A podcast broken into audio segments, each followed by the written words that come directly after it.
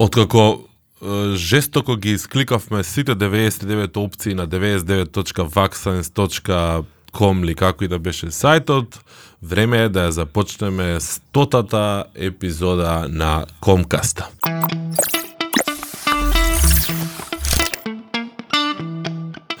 Верувајте ни, овој предизвик кој што беше пред нас, односно пред мене, беше сериозен. И денеска сте конечно, предпоставувам, сведоци на еден потек кој што ќе влезе во мојата во моето CV. Успеав да ги соберам на две различни места, сите четворица од пет вкупно луѓе кои што изминативе колку има да е таму 10 години активно учествуваат во креирањето на Комкаст со мене, до мене или во нашето студио е Нинджа звани Сеат. А во соседното студио во улица Акациска 3 улици подолу се наоѓаат Мите Кузевски и Дарјан Раденковиќ. Благодарам Ниједен... колега Калински. Ниеден од нас се уште нема примено вакцина, затоа се договоривме половина од нас да носат маски. не знам, Мите не го гледам дали носи маска. Носи, носам маска, Само ти не носиш маски и сега Да, маска. само ја изгледам сам, само што само што ја извадив. Морам да, да бидам попредставителен. Водителката треба да биде представителна. Водителката представителна, да. А, значи беше потек, подвиг, затоа што уште од сам почеток кога стартуваше Комкас во 1900 не, 2000 и Не сме толку стари. Е. Во далечната. 2011 година баш правев некоја анализа наназад и сватив дека дури во деветата епизода јас сеат и Мите заедно конечно се наледан снимиме епизода и тогаш веќе мислам дека бевме во Радио Мов И идејата на денешна епизода е малце да евоцираме спомени и да видиме кој што, како, зашто се сеќава или не се сеќава на оваа приказка. Една мала хронологија, значи 2011 година започнавме со Комкаст, имаме официјално три некои итерации, јас да ги наречам, едно време ги именувавме како сезони, па беше, не знам, заедно бројка, па бла бла бла. Какви некаде во октомври да седнам и да потрошам 2-3 дена да ги пребројам сите епизоди и да ги преименувам сите на блог на комуникација.нет и да е, решам дека ќе ги викаме една по една сите поред и ќе стигнеме денеска до 100 епизода едно од најаките фори што ги сватив тогаш, а не им ги кажав на останатите, туку денеска оставив да го зборуваме тоа, е дека јубилејната 50-та епизода, која што ја снимаа Сеат и Мите сами, и ако се ќавате направивте хајджак тогаш, всушност, кога почнав да ги бројам епизодите, испадна 49 Добре, не си. Добре, не сме уништиле јубилејната. Не е премногу, добро. Тоа е убав јубилејче. Добре, 37 што не било. 49 добро е.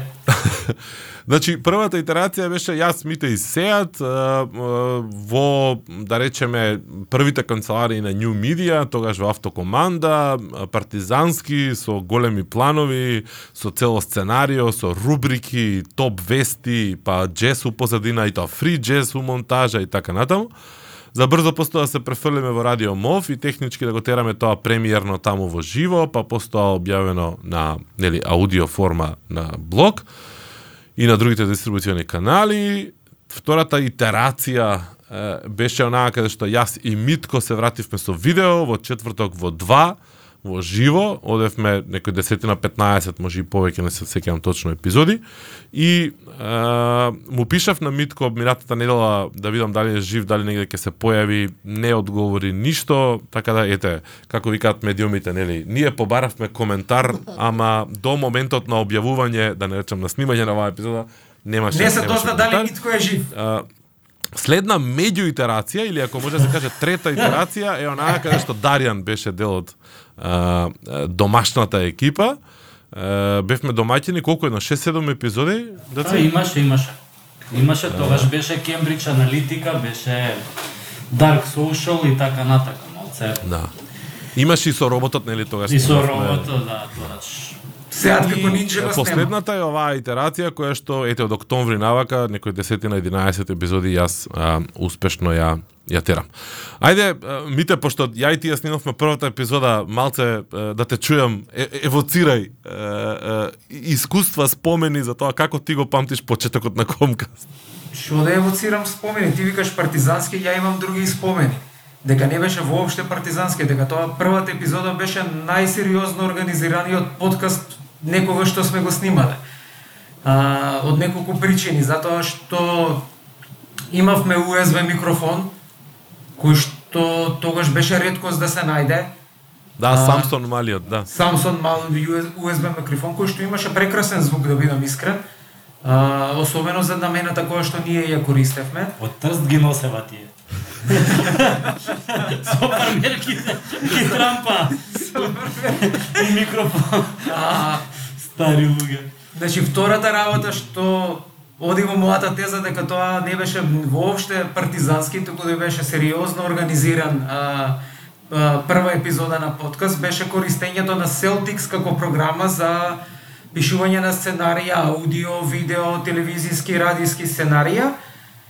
И на крај имавме целосно уствари напишано сценарио по кое што се движевме.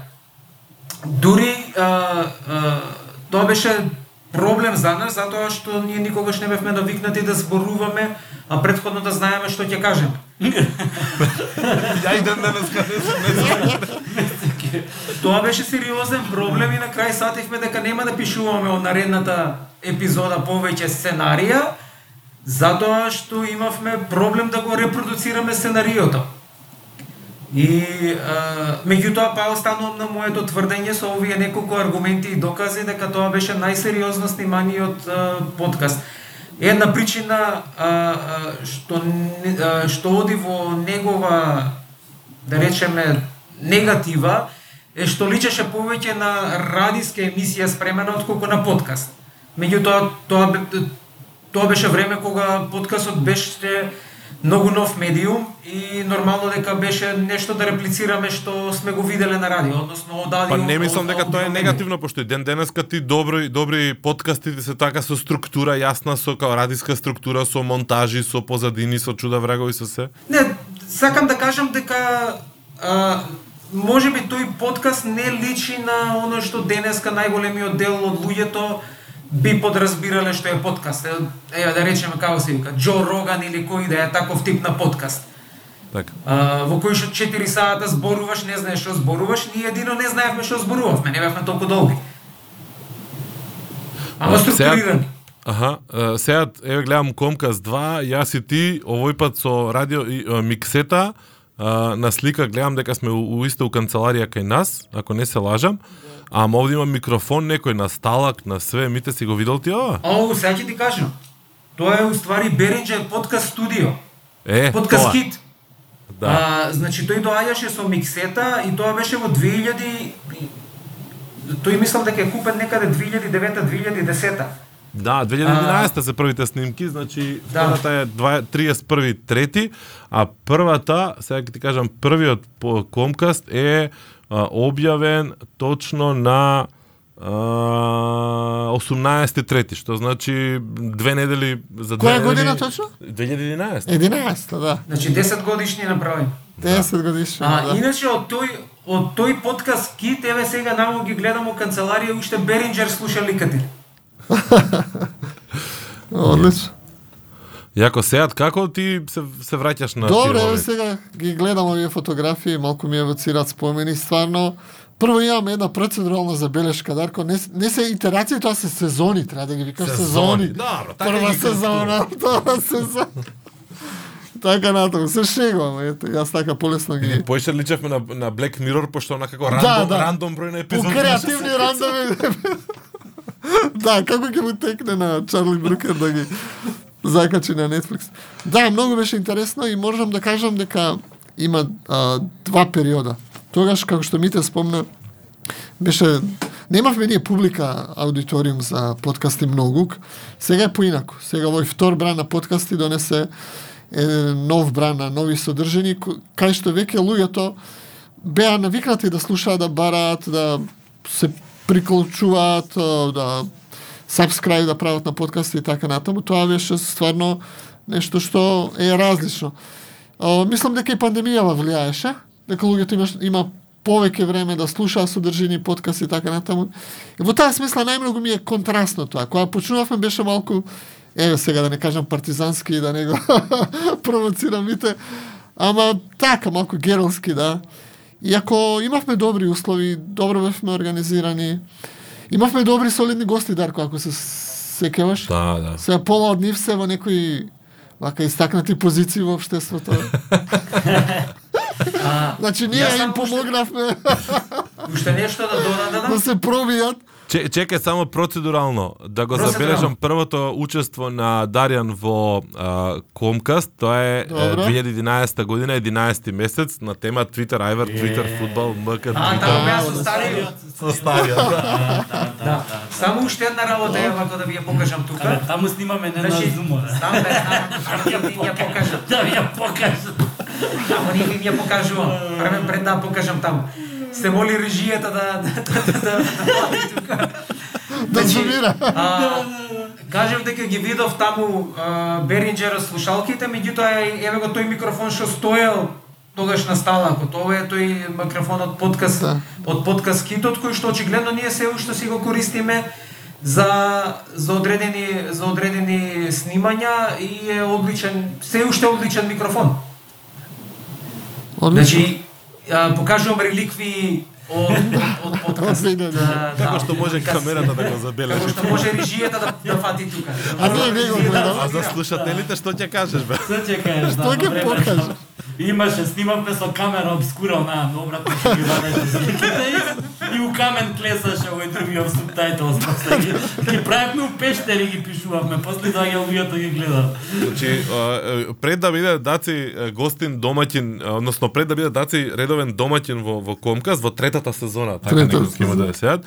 А, мислам дека во два или три наврати беше беше гостин и морам да кажам дека еве сега со Twitter Айвер и овие хаштазиве на на Twitter првиот пат кога беше гостин уште го држи, значи Twitter уште го владее, Да, го се вратив после контролира. долго време, се вратив после долго време и добар сум. Уше има. Uh, Мастравче. Да, па ништо ако се навраќам вака јас ретроактивно, значи многу интересно што на почеток барем за мене, uh, кој беше многу возбудливо и ние да нели да ги следиме глобалните трендови, да коментираме на глобално релевантни теми у тој момент и таа возбуда е добро што не одржа веројатно низ целово снимање на на Комкаст и сега кога збориме на некои теми, мислам дека истата возбуда имаме со тоа што сега веројатно малку повеќе пораснавме и малку повеќе добивме самодоверба дека она што го коментираме и што го следиме во принцип веројатно го правиме на на на ниво кое што не е воопшто не каска зад оние глобални коментатори на вакви да речеме теми, така што во принцип доброто да е тоа што пораснавме некако веројатно од од стручен и професионален аспект, ама не не напушти онаа возбуда и се надевам дека нема да станеме онакви стари циници кои што нели ќе отфрлаат све што е ново. А, добро е што со еднаква возбуда и нели си имаме и сектор за TikTok, си имаме и За Snapchat. Да, за Snapchat и ги следиме и сме повозбудени од овие од Millennials, дефинитивно ние Го молиме секторот TikTok да се изјасни. Не ме издавајте дека јас сум за тоа. Мене ми, мене ми е забавно кога за некој помлади онака ќе почнеш да им зборуваш онака баш со јазикот на TikTok со кои се таму битни, со кој што направил, како направил, кои функции ги има и особено онака син ми и, и негова генерација така те гледаат како чекај као чекај малце. Што? Шо шо се мешаш сега ти? Да, тоа кога постарите ќе влезат у дискотека и као, е, што бараш? ти? Те гледат како оној на 13 ратник кога почна да го збори нивниот јазик на бродот и текно. Таа ми е една омилените сцени онака Да, да, филмски да. човече. Три месеци ги слушам, најнаш почнува на да зборува. што мајка ти? Ја се збуни, разбира. Е, Добре, да. А, сега, која ти е тебе, да речеме вака, некоја омилена епизода која што ја памтиш редовно, а, која што може би гостин, може би, не знам, случка од, од епизодиве наназад, мислам. Па ги пам, памтам, се сеќам на тие во радио студиото на Радио МОВ. Во студиото на Радио МОВ. Всушност и првите епизоди, тогаш лето беше, па се потевме нешто, отваравме прозори. Беа тогаш на актуелни теми. Тие неколку две-три епизоди што ги имавме, тоа испак е прва сезона, според Да, моја да. терминологија, да. Па да, ма еве ја гледам овде мојата да Да, речем една од и моите мите омилени. беше едната, па... Значи, зборувавме на актуелни теми. Јас чувствував тогаш, може би грешам, треба тоа некој аналитично вака по објективно да го осем, дека бевме пред јутюберите, македонски или локални. Малку ги внесовме тие трендови, ги внесувавме тие глобални теми што века Дарјан. Значи, не зборувавме само за политика или не знам, такви некои теми кои што доминира и за жал и се уште доминираат. Внесовме некои теми така попопуларни, а не се толку гиковски да кажам, онај mm. технички IT. Да. И беше интересно, значи тогаш факеше замав Фейсбукот, Твитерот малку помалку, но потоа се придружи. Секам на тие епизоди таму и како внесувавме, бевме нешто ново, нешто свежо во етеро, да кажам, во интернет, онлайн сферата.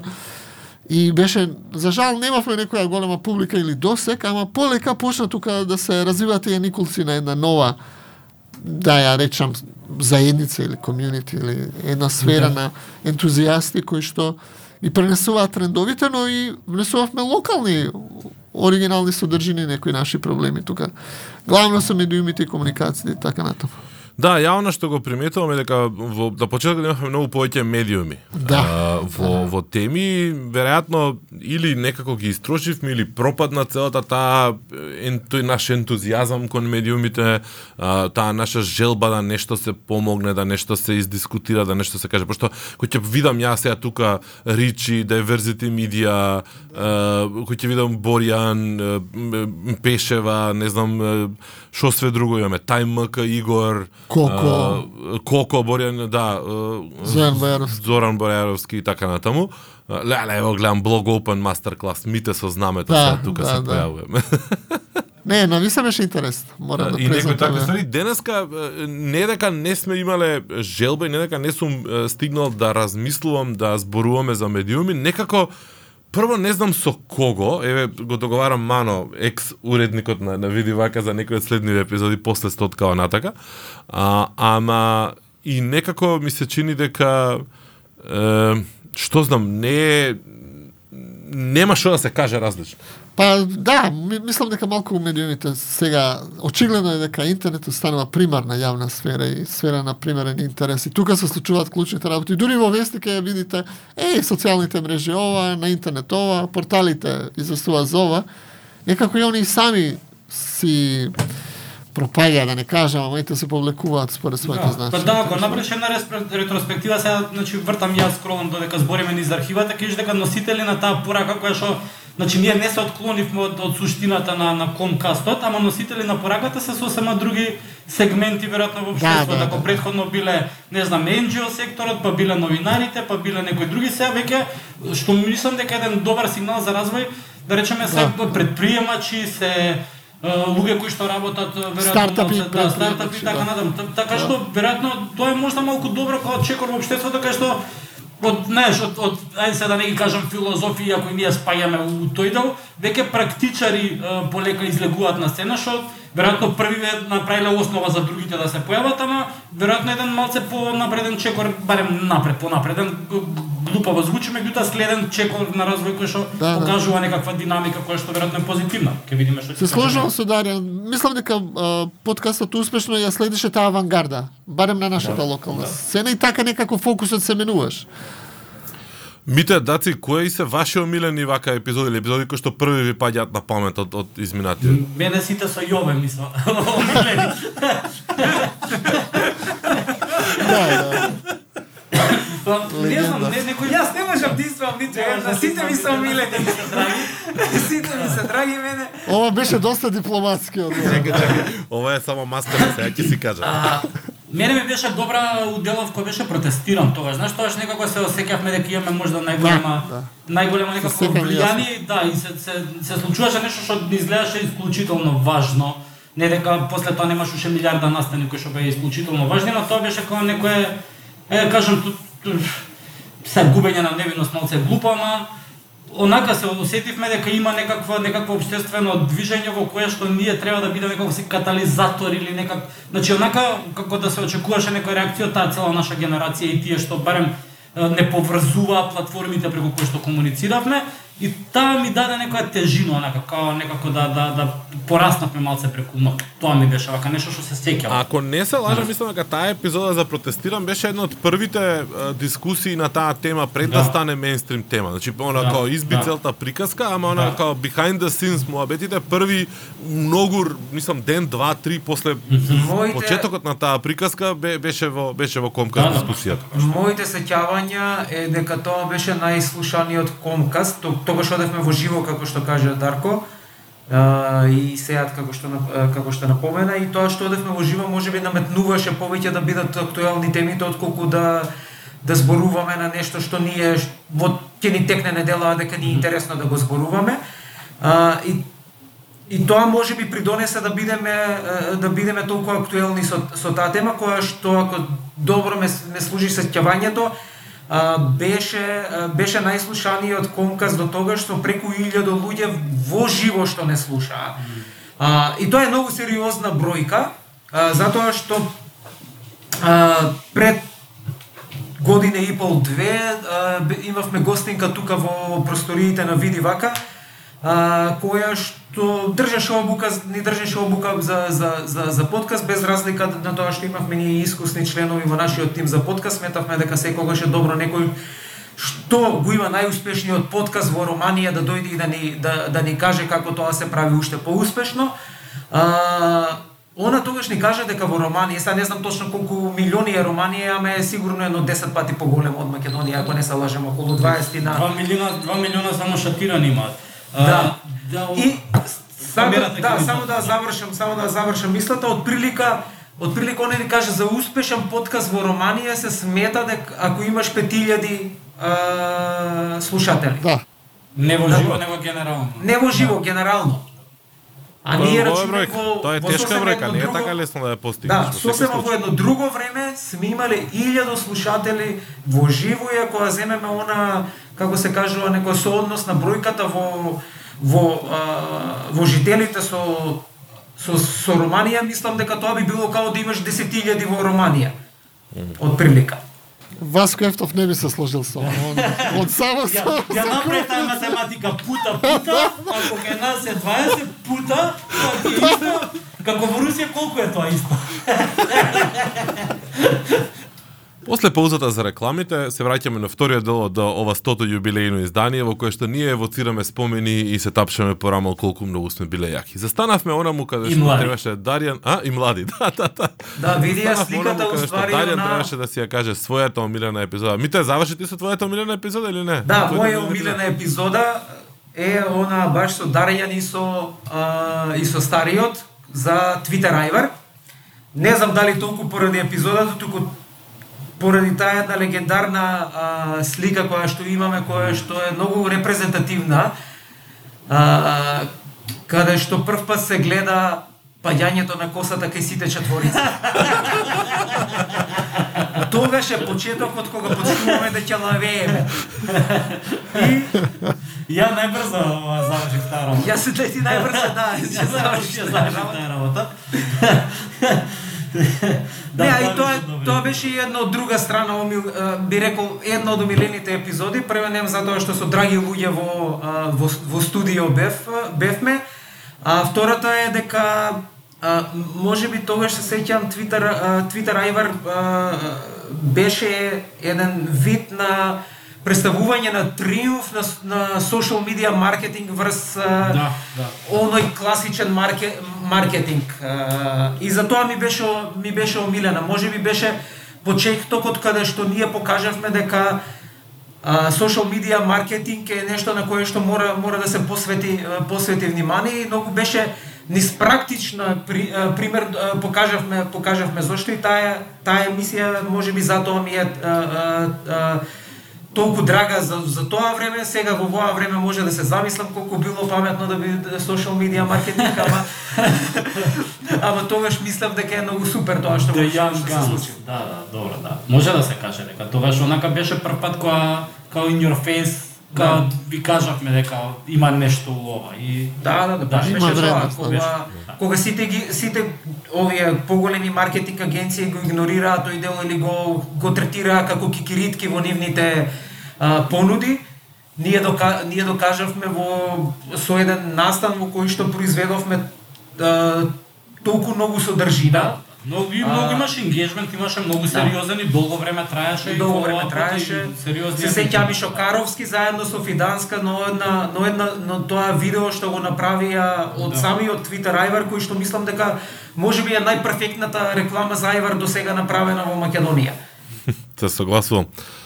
А, ти, Твој? А, ја тоа што спомнав, значи таа ми беше вака неколку сега онака што ми се епизоди кои што ми оставиле најмногу впечаток, некако и највеќе емоции ми поводуваат, иако Значи не не не би извел оваа ми е помила подрага, да баш се тие, значи со Twitter Айвер понака. Тогаш беше некој старти на заедницата, тука нели тргна малку поголема атракција се доби. Второ беше баш тоа со протестирам кај што стварно имаше, ја имаше таа мота, нели после тој тој фоллоуап мите која беше спикер нели у Нови Сад, тоа беше исто една прекрасна доживување пуна со анекдоти. А, и а, исто така да речеме, многу ми е а, а, доста символична епизода која зборувавме за Кембридж аналитика, не толку ради темата што беше, да кажам контроверзна, туку ради тоа што значи тоа се најдов момент кај што нели гостуваше човекот од Кембридж аналитика на ОВЕБ кај тебе. Имавме ајде човек другар кој што работеше на некој начин со со сите тие луѓе имавме увид у прва рака што се случува како се случува. Доста бевме упатени се до тој тоаш прв пат може да се почувствувавме дека сме онака влезени во рамки на она што се глобални процеси за кои што дури доста потоа почна нели и Guardian и сите да се уклучуваат на темата и да да коментираат. Тука бевме баш стварно пред времето у нешто што беше многу сериозен глобален текст, што ние го сконтавме у тој момент и после тоа се покажа дека е така. Дарко, Long знаеш што, само малце за фазите. за social dilemma. Само за фазите, а, а, да. оно што преска го спомна со, ме, а, со медиуми, а, ако се сеќаваш првиот слоган за за комуникација и подкаст беше подкаст за интернет и општество. А, во насока на тоа дека ќе зборуваме како интернет влијае врз општествените врз општествените промени и, и, и, и општествените процеси. Ама после Сашо Ордановски кој даде дефиниција го избришавте тоа. Се Се очекуваше, остане само општество. се очекуваше општество само зашто интернетот го прогласи за мртво тогаш. Кога го прогласи интернетот за умрено, Смени слоганот. се смени слогана. Само подкаст за Не, сакам, сакам да кажам дека тоа може би беше првата фаза, после втората фаза влезе во маркетинг водите со Митко, Да. целосно во маркетинг А, со Митко многу повеќе бевме технологија и технологија и стартапи, да. да бидам искрен. Маркетинг е последниот Уствари, последниот да, дел сега може би, со да. Даријан и со и сам сега, нели сам И сам условно речено што да, го што условно, да, сега ова. Така да тие се некои три фази ја би рекол што би ги издвоил. Почна интернет и општество, се прогласи интернетот за умрено, продолживме со интернет и стартапи. Мене, мене имам две онака епизоди што ми се интересни и омилени. Едната е пошто цело време референцирам во предавања, во зборување и слично, а, и не е толку многу дека ми е култна, колку што ми е онака интересна дека а, се уште не сме на друго место толку многу ја отвориле таа тема. Тоа ми е Dark Social со, со Даци, што снимаме во, во Види Вака во студио таа епизода горе а, а, као референтна точка, некоја ми е доста интересна и доста актуелна. А, а втората, односно првата што ми е како многу драга и многу епик во како момент ми е онаа за јас ти тројцата заедно мите и сеат за Facebook, кој зборувам дека Facebook е новата телевизија. Значи поминаа години додека а, луѓето го сватија и почнаа да го размислуваат тоа така и да го третираат тоа така. А, не се сеќам точно чекај сега ќе видам, мислам дека ми беше отворена таа некаде овде. Која година беше тоа? Е, сега ќе видам, значи тоа е 2012 О. година, Далечната. 6 месец. Да, со со Кисми песната што ја започнуваме епизодата со Да. да. на Facebook кај што е, кај што е песната. Значи, колку време помина од таа 2012 година до кога Самка Ибримовски свати дека е така? Дека Фейсбукот е Да, дека тоа е новиот примерен медиум. Се, тоа се 7-8 Значи очигледно Самка не ги слушал Кисми на време, немам друга констатација да кажам. Сам Што- Кимбуш го слушал. Да. Сакал некал по дома му. Непотизам. значи, та, таа ми е некако, знаеш, и ден денеска а, ми е референтна точка од на тоа дека као си ја поставивме како теза и тројцата Да. се обидувавме низ онака како баш теории, низ пракси, низ чуда врагови да ја да ја образложиме тезата зошто Facebook е новата телевизија. Да. Да. За она под влијание на масовна публика на тоа дека ура, сите тргнаа тогаш на Facebook што сватија леле имаме многу публика и ден денеска онака се уште мислам дека луѓето така се однесуваат и така затоа и го прифатија и го прифаќаат и Facebook, сега Причината- во поново време и Instagram. Па во Причината суштина Фейсбукот и социјалните мрежи стварно стана примарна со о, вака јавна сфера. Во таа смисла мислевме кога зборувавме за телевизија. И мултимедијално стана де факто таму во секоја смисла нова телевизија, ама пред се како нова јавна сфера, примарна јавна сфера, кај што домин, доминираат клучните теми дури се пренесуваат не само на порталите, туку и националните телевизии така натаму. Значи сега живееме во, во таа реалност. Да. Мите? Не сакам да нешто во насока е ново што сега да го кажам, меѓутоа моето сеќавање беше тогаш дека а, ако социјалните медиуми предходно не беа масовни медиуми, тоа беше во моментот кога можеби се прекршуваше да социјалните медиуми пр, прераснуваат во масовни медиуми, затоа Да. на одреден начин а, а, сакавме да кажеме дека дека Facebook станува но, а, е нова е новата те, телевизија и може би поради тоа што сега се го спомна начинот на кој што а, луѓето всушност а, а, ги примаат информациите. Порано уклучуваш телевизија за да видиш што се случува, сега уклучуваш Facebook за да за да видиш што се случува во во во светот. И тоа беше тоа беше некој први а, почетни тези зошто зошто можеме да кажеме дека Facebook станува нова телевизија. Да, еве, ако стигнат вакцините, кај прво ќе да знаеме? На телевизија или на Facebook? На граница. На граница ќе да страница. Со стриминг на Facebook. На 1 април ќе да знаеме. Погрешно ќе биде информација. Чекаме, нели помина кинеската нова година? Кај се вакцините? Абе, не ова. Не ова. Не ова да, кинеска да, да. има друга. Не кажа точно Кинеска, која. ама православна кинеска за 14 дена. Да немат и они стара Има кинеска да, да, да, тука на северните провинција слават таа. Може да. Лошо е што може и водици кинески да ги фанат и Да, да, да. А таму реките, знаеш како Големи се таму реките, како 5-6 дена се водици, не можеш ти Да, на да, трешка жолта водици река, и јанце јасти. Јанце Фрнош може доле на 2000 километри ќе го најдат. Тоа се барем 6-7 дена водици кај Значи, Треба да имаме трпение со кинезите, во ред, да. Е, јас овде во, во, во планот за тоа што уште треба да, из, да из, измуабетиме сум ставил и а, локации каде се каде се сме снимале. Па ги кажавме. А, конкурс. Све по, ја тоа преска помислив, аутокоманда кисела вода, све поблиску до центар, река. Центарска емисија ќе стане.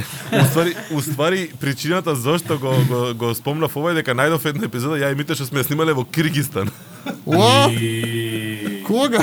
Јас не знам, не се сеќавам. И не се сеќавам, ама мислам дека имаше една епизода снимана и на Блого Open, а, не на Блого Па, Open, на и во- Блогоманија. Да, и На во Албанија Блогоманија, мислам во- дека една нели снимавме Во една Нови Винодолски мислам дека имаше една таму што снимавме. Ако не се лажам, мислам Чеки, дека имаше една на таму. Бор.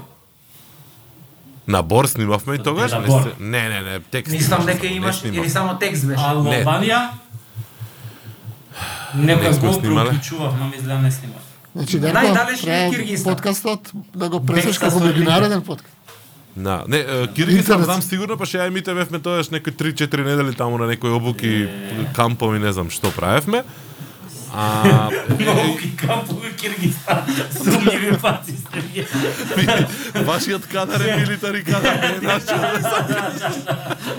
Не бе, да, да, да му кажам на Дарко. Кампови Значи, Киргизстан, пештери. Кампот беше за за digital storytelling и за а, а, за За- фото за општество. новинарство. И за опште. И за општество секако, да. Како што гледаме Киргистан со револуција им иде, така да успешна била Да, обуката. Не дай Боже, како на Кристијана Мампур сте станати, кај влезе таму пепел се направи. И една една друга интересна локација што ја приметив онака кога скролав Мјанмар? Не бе, за сега ти бевте кажам, за ја и ти у Стопанска банка со А, роботот. Стопанска банка, да, да, да. Знаеш ли, за таа епизода ми се јави Мартин пред некој ден Николич и а, а, вика чекај емате бара кркичката, вика бе дали има негде да се купи вика роботот, знаеш, барале роботи на YouTube им скочила наша епизода, беше баш кјут онака роботот и сите се као се купували негде ова. Така да, да, таа беше добра епизода стварно. А, дали правевме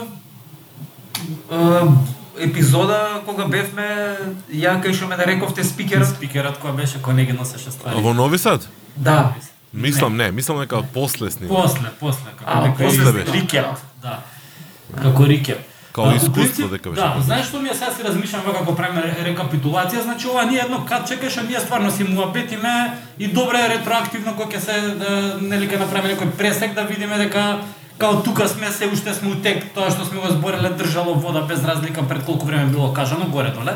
А, ама криво ми е што можда некако не успеваме тоа, не успеваме, можда и не сакаме, подсвесно или свесно, да биде по апилинг за за пошироки За масите. Да, да не кажам за масите, ама да не звучиме елитистички, ама као мислам дека има многу добри пораки кои што Да. која малце другаче би ги спакувале, барем ние знаеме да ги спакуваме, ама веројатно као подсвесно избираме да идеме Значи потврдивме тоа во ти сега семантика и да спакувате, ја и мите не бркаме тоа.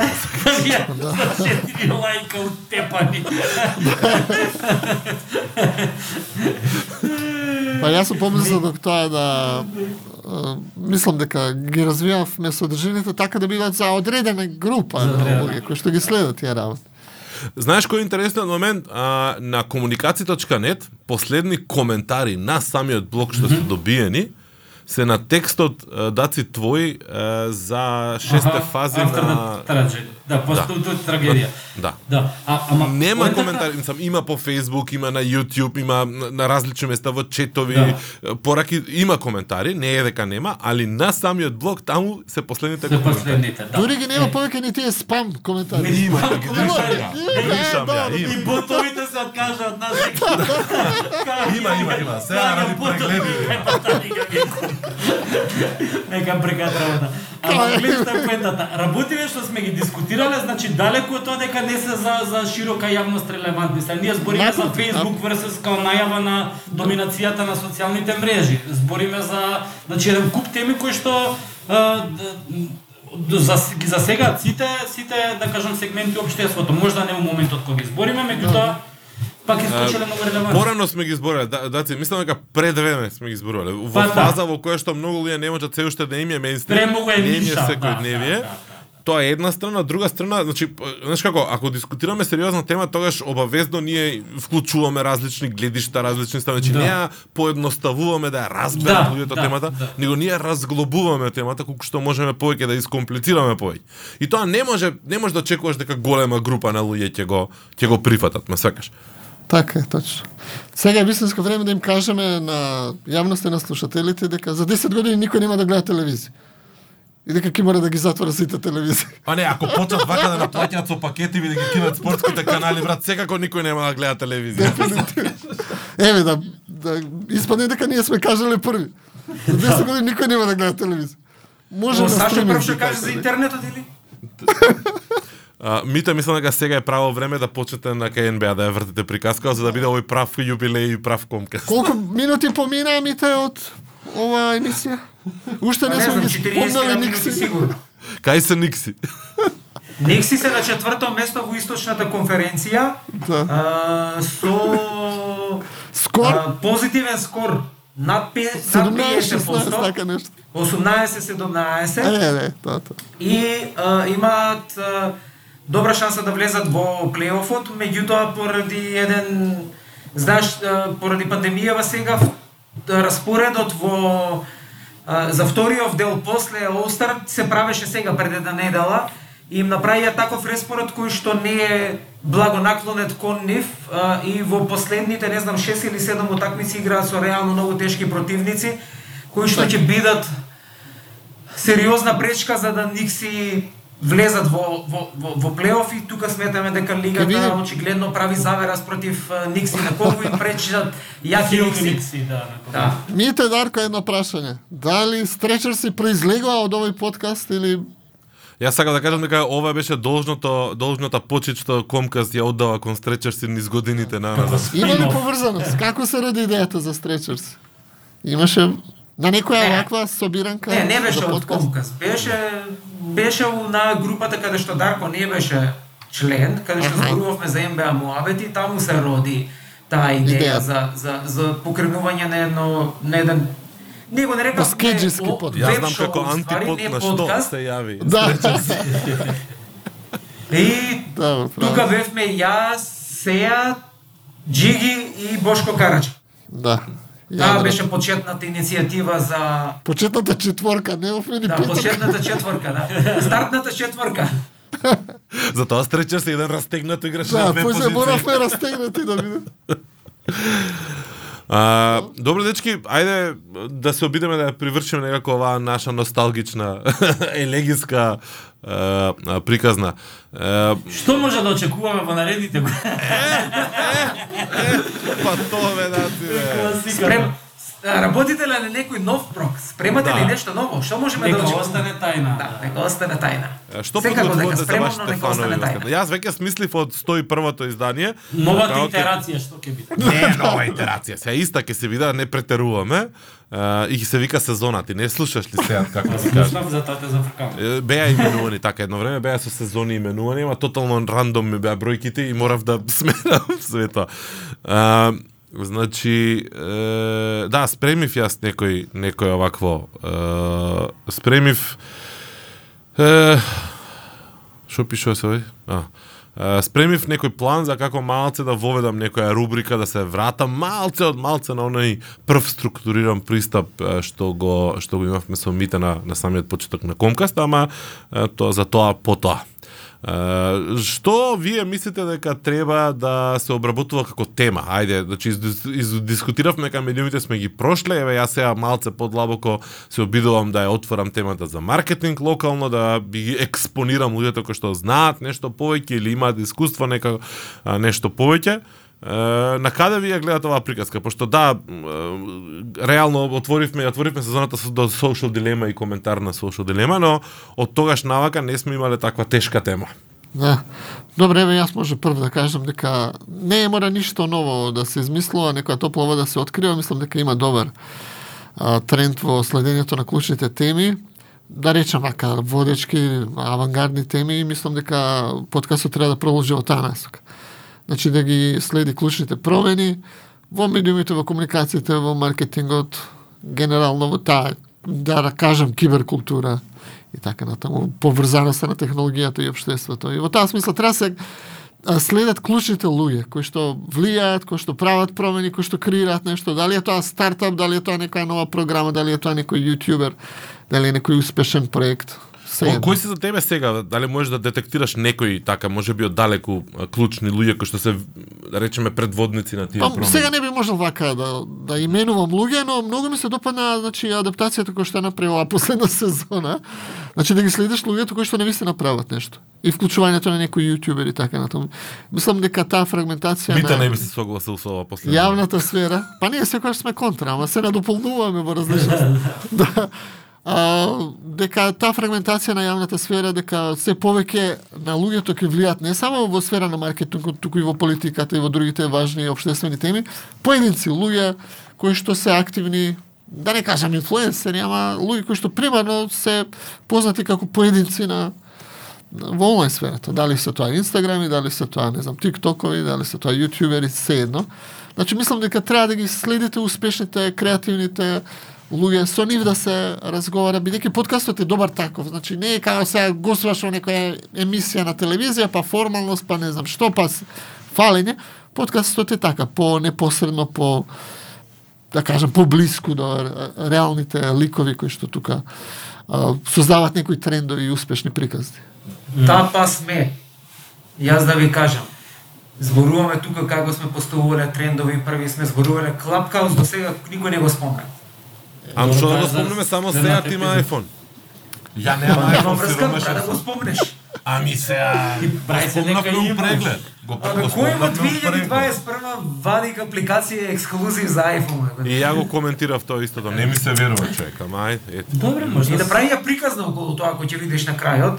Да, да, си Не, направи приказна околу форматот, не околу тоа апликацијата. Не, добро, не. Да, од да. аспект на функционалност, со 30% од пазарот да да тоа е Ама ти го да не ти биде многу брз.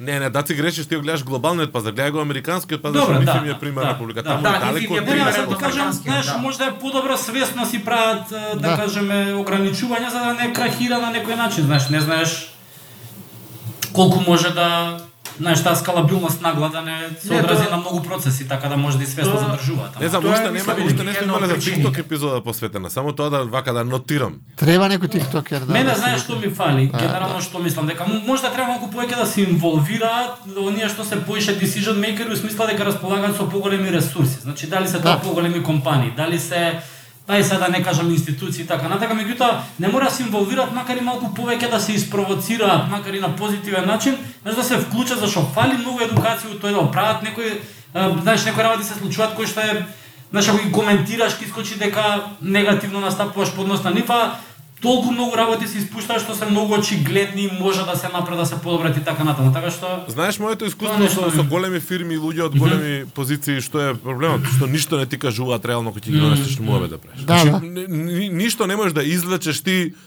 Ме свакаш, него цело време се ракавици, цело време нешто Да. чекај, па а? ги, да ги унапредивме процесите во имајќи го клиентот во Вложуваме центарот на нашите, активно. Да, да. Знаеш, од тој аспект и за тоа некако немам, Да, мислам, да. не дека не сум Види, ние да можеме да направиме емисија, да речеме, со таков рандом генератор за, за корпорейт луѓе, разбираш, кај што ти го прашуваш и кликаш и он ти вика, ги поставивме процесите имајќи го клиентот во преден план. Така. Во наредната година ќе работиме на дигитализација на нашите сите процеси со цел олеснување на пристапот на услугите до нашите корисници.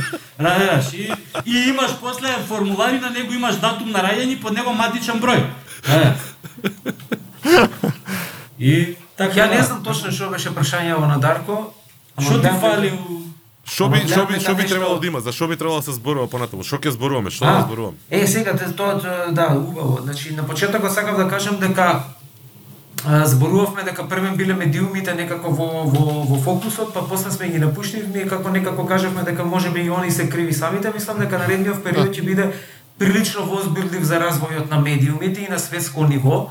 А, и најверојатно и, и, и, и, и кај нас затоа што а, полека се навраќа се навраќа а, парадигмата дека нас ни треба firewall, односно некој кој што ќе ни ги филтрира информациите, дека повеќе ја, ја напуштаме полека тезата на тоа дека социјалните медиуми ќе направат а, а, револуција на, на, на медиумскиот или да. демократ, демократизација на медиумскиот а, простор, а, како што може би Бодрияр пред, предупредуваше во, во својата книга Симулакруми и симулации дека повеќе информации не значи повеќе.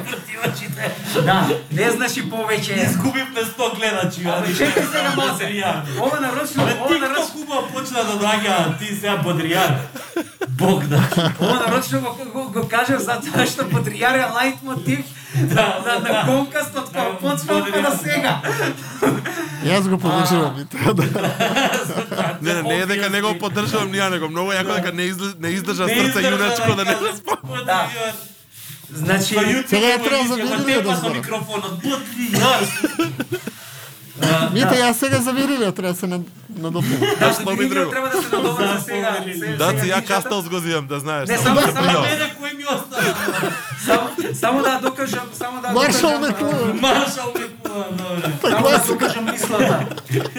А, повторно се враќаме назад кон а, долги читања, повторно се враќаме кон нешто што а, не значи краток а, а, attention span а, или кратко внимание од од од од, од гледачите. И, и моја предпоставка е дека следува возбудлив развој на медиумската содржина во, наред, во, во наредниот период, особено поради тоа што имаме сериозно а, а, сериозен сериозна борба се води моментално помеѓу социјалните мрежи предводени од Facebook и медиумски од а, медиумски Ова од Јас- Австралија, да, што се случи во Австралија, веројатно ќе биде преседан кој што ќе треба пак Да, смени регулатива ќе за таа ми у план Така. тема А, и веројатно да. Игор пак ќе го викам од тајм пошто верувам дека следи има контраставови од оние моите, па ќе може да биде забавна Да. Во емисија. таа Од друга емисија да одговорите, дали за три години, четири, ќе мора да плаќаме за вести. А, значи јас со душа чекам за да можам да викнам некој гостин во Македонија кога некој медиум ќе стави paywall Да. тука. Со душа чекам кога некој ќе направи newsletter некаков. Да бе, Геро ќе Саша Геро отвори се OnlyFans и ќе плаќаме за вестите. А, со душа чекам кога некој сам новинар Пет денари вест.